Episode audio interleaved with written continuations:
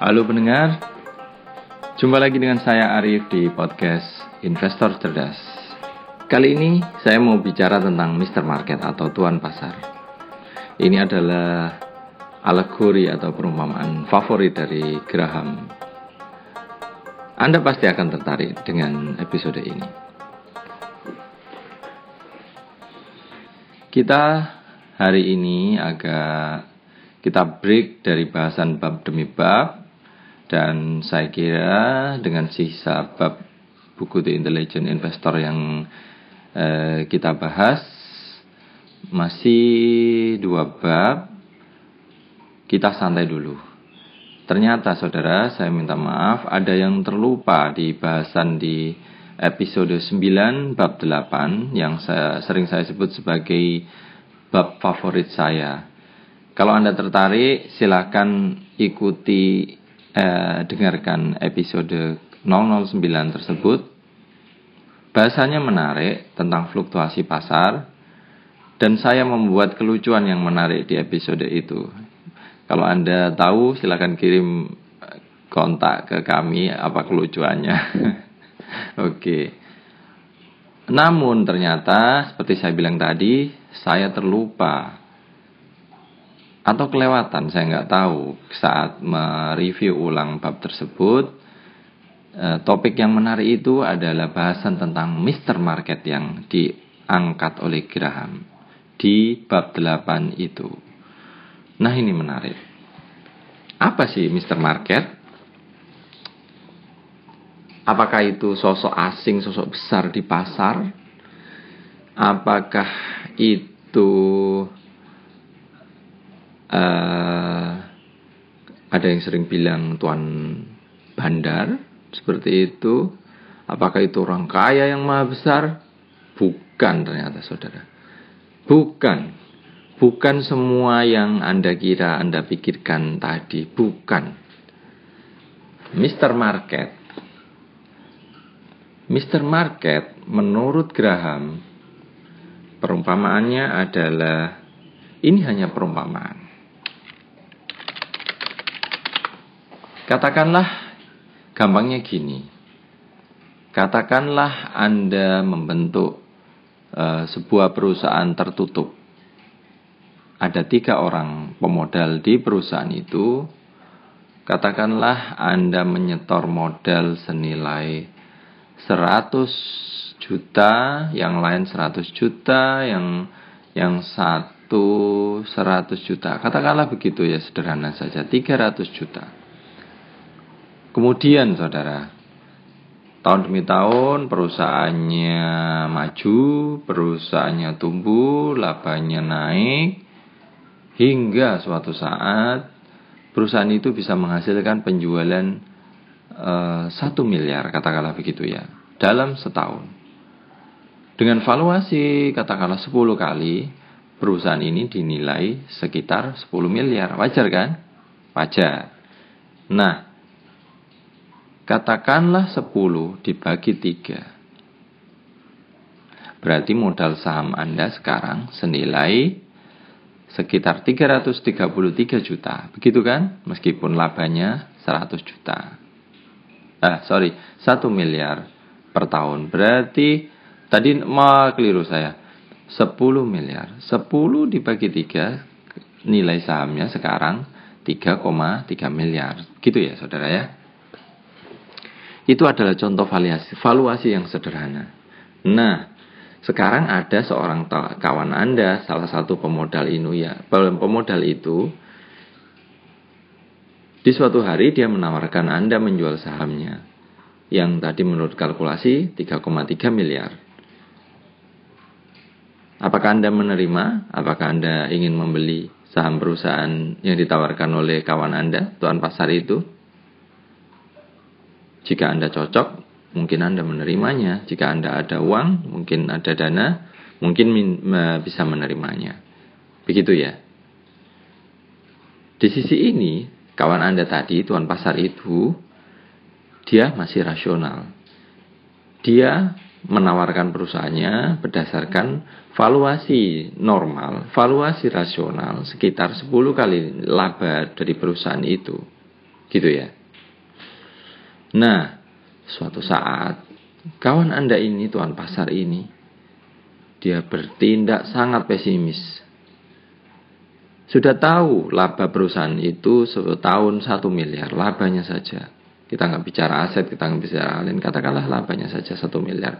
Menurut valuasi 3,3 miliar. Tapi saudara, karena melihat kondisi Indonesia yang katanya ekonominya belum tumbuh, harga-harga katanya mahal. Padahal Indonesia tumbuh 5,7 persen yang sangat lumayan sekali. Sekarang dia panik. Dia ingin menawarkan sahamnya kepada siapa saja, termasuk Anda. Dia menawarkan saham itu hanya senilai satu miliar. Berarti hanya satu kali laba ya. Apakah Anda menerimanya? Jelas sekali. Pasti Anda akan menjawabnya jelas kalau Anda punya kawan yang yang panik seperti itu. Tapi mungkin kalau Anda berhubungan baik dengan dia, ini katakanlah contoh umum ya. Kalau katakanlah, katakanlah Anda baik dengan kawan Anda itu, Anda Anda mungkin mengingatkan, "Hei kawan, kamu lagi butuh uang banget ya? Ada masalah apa sih?" Anda mungkin tanya seperti itu, Anda ingin tahu latar belakangnya. Kok menjual murah banget gitu loh. Itu. Tuan pasar kadang panik. Ternyata setelah Anda tanya seperti itu, dia nggak punya jawaban apa-apa. Ya kondisi ekonomi uh, sepertinya panik. Mending dijual aja lah, mumpung lagi untung sudah naik. Toh ini sudah satu miliar. Padahal modalku awalnya 300 juta, lumayan kan? Gitu ya. Nah, itu adalah contoh kondisi tuan pasar panik yang tanpa alasan apa pun menjualnya. Di posisi lain, saudara, tuan pasar ini, kawan Anda yang suka panik ini, ternyata dia berekspektasi sangat pesimis, sangat serakah. Katakanlah, suatu hari dia menawarkan saham perusahaan ini kepada Anda yang valuasi normalnya 3,3 miliar, dia tawarkan sekitar 50 miliar. Bayangkan 50 kali laba. Apakah Anda menerima, menerima tawaran itu? Jelas sekali tidak. Normal kan? Di mana ada yang mau beli saham semahal itu? Siapa? Iya enggak? Mungkin Anda kawan yang baik akan tanya ke kawanmu, hei kawan, kamu itu terlalu mahal, ya nggak ada yang laku ya. Ternyata kawanmu menjawab gini, sobat, ya masuk akal aja, perusahaannya bagus kok, paling dalam tiga tahun nanti juga udah udah labanya udah cukup. Udah bisa mencapai seperti itu. Paling 10 tahun 15 tahun lagi. Silakan belilah kalau ini kalau kamu suka gitu. Apakah masuk akal nasihat uh, jawaban seperti itu, alasan seperti itu bagi Anda investor yang rasional, yang cerdas? Tentu tidak. Tidak sama sekali. Nah, saudara, pendengar investor cerdas yang sangat pintar. Ternyata alegori tuan pasar yang dikatakan oleh Ben Graham di di buku The Intelligent Investor yang sudah terbit sejak tahun 1949 ini ternyata tuan pasar itu masih ada beredar di pasar saham di masa sekarang. Di masa sekarang ya di masa saat Anda bertransaksi saham melalui aplikasi atau melalui uh, market internet market melalui transaksi internet. Masih ada. Setiap hari tuan pasar ini menawarkan saham yang mungkin Anda sukai, saham yang mungkin Anda ketahui dengan harga yang kadang rasional, kadang naudzubillah mahalnya, kadang amit-amit kok murah banget sih?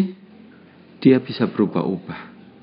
Dia bisa tiap hari berkata, ini loh saham baik. Besoknya, ini loh saham buruk, besoknya ya sudah ini normal aja kayak gitu. Nah, saudara, pasar saham itu berfluktuasi seperti itu. Dan kalau kita andaikan ada tuan pasar seperti itu, sekarang Anda harus berunt, harus bersyukur. Tuan pasar ini, biarpun kawan Anda yang baik karena Anda bergaul dengan dia di tiap hari atau tiap saat Anda bertransaksi di saham, untunglah dia bukan orang pendendam, dia nggak nggak peduli dia dia ini seperti orang asing sebenarnya, cuman Anda bergaul dengan dia tiap hari di pasar. Jadi Anda nggak masalah, nggak nggak nggak usah memperdulikan perasaannya. Mau dia mau dia pesimis Anda menolaknya, dia nggak masalah besok datang lagi. Masih datang pesimis lagi, nggak masalah. Besok bisa menawarkan lagi. Lusa mungkin bulan depan dia sudah optimis lagi, dia akan nawarin lagi baik menawarkan sahamnya atau membeli saham yang Anda suka itu. Nah, Ketika Anda tahu hal ini, Anda bisa memanfaatkan kelebihan dan kekurangan yang ditawarkan oleh tuan pasar itu. Maksudnya bagaimana? Gampang aja. Oke, abaikan psikologi, dia nggak akan menendam. Katakanlah Anda, eh, itu tadi, ada sebuah saham dijual e, tiga kali laba, sementara perusahaannya masih oke, masih bagus, Berarti tuan pasar lagi pesimis dong. Nggak umum lah tiga kali laba itu. Umumnya ya sepuluh kali, tujuh kali laba itu mungkin rata-rata atau normal. Kalau perusahaannya bagus bisa lebih mahal lagi malah. Malah di perusahaan Indonesia ada yang sampai 30 kali laba gila sekali. Tapi memang perusahaan besar gitu ya. Sekarang pertanyaan uh, bagi Anda, tugas Anda adalah memanfaatkan saja tuan pasar yang yang kadang nggak rasional, kadang uh, sangat percaya diri ini. Kalau dia nggak rasional, belilah saham dari dia. Kalau dia lagi pesimis ya, beli aja. Dia lagi nawarin murah. Kalau dia lagi agresif, lagi serakah, saham yang normalnya 7 kali laba, 10 kali laba, dia pengen beli 20 kali laba atau 30 kali laba. Ya jual aja ke dia, manfaatkan kesempatan itu. Gitu saudara. Itu tadi ilustrasi atau cerita tentang tuan pasar. Saya kira dengan Anda jika memahami alegori atau perumpamaan seperti ini, Anda akan menangkap sesuatu yang besar, yang yang sangat menarik. Begitulah cara pasar saham bekerja. Ini kenyataan.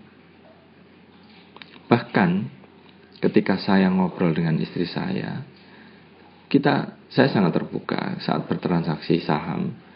Saham X, saham Y, saham Z, banyak sekali saham. Kemudian saya cerita pada istri saya, ini gila orang saham murah ya belilah, udah turun kemarin baru mau satu bulan yang lalu baru terbit laporan keuangannya bagus, beli aja. Ternyata setelah bagi dividen masih turun terus saham perusahaan itu. Kenapa kita harus panik? Ya ya udah dibeli aja selama kita masih ada uang beli aja. Seperti Anda memperlakukan kawan Anda yang lagi kesusahan mungkin yang menjual saham perusahaannya atau dia lagi butuh uh, uang untuk dana-dana yang lain buat keluarganya. Ya anggap aja menolong kawan. Kalau tuan pasar yang asing beli saja manfaatkan. Seperti itu saudara dan seterusnya dan seterusnya hingga kemudian saya saya sering terkejut lalu berdiskusi dengan dia. Ini kenapa ya kok saham kayak gini udah dibeli mahal banget? Konyol sekali kadang kayak gitu. Ya itulah realitas tuan pasar yang terjadi setiap hari di bursa. Jadi saudara, eh, semoga cukup jelas penjelasan singkat ini dengan cerita-cerita yang sajikan. Ini mengutip atau menceritakan ulang e, cerita Tuan Pasar yang diulas Graham di buku The Intelligent Investor bab 8 Investor dan Fluktuasi Pasar. Kalau di buku uh, terjemahan Serambi yang terbit pada tahun 2007 ini, Tuan Pasar ini ceritanya ada di halaman 263. Demikian cerita singkat ini, semoga Anda tertarik. Anda pasti akan tertarik mendengar cerita Tuan Pasar ini. Ya, semoga tertarik, semoga bermanfaat. Saya nggak tahu, pasti ada orang yang meragukan argumen atau alasan seperti tuan pasar ini. Ada yang mengira, ya pasar itu bergerak sesuai dengan realita dan fakta. Ya memang dalam jangka panjang itu seperti itu. Tapi dalam jangka pendek silakan saja. Tapi ya ya nggak apa-apa kalau anda nggak percaya atau nggak percaya. Kita manfaatkan orang yang nggak percaya atau kita manfaatkan orang yang bertingkah tidak rasional. Mungkin Anda bisa menjadi tuan pasar itu. Atau apakah Anda memanfaatkan tuan pasar? Silahkan. Demikian, semoga bermanfaat. Jika ada komentar atau feedback, silahkan kirim melalui formulir kontak di bolasalju.com. Sampai jumpa di episode berikutnya.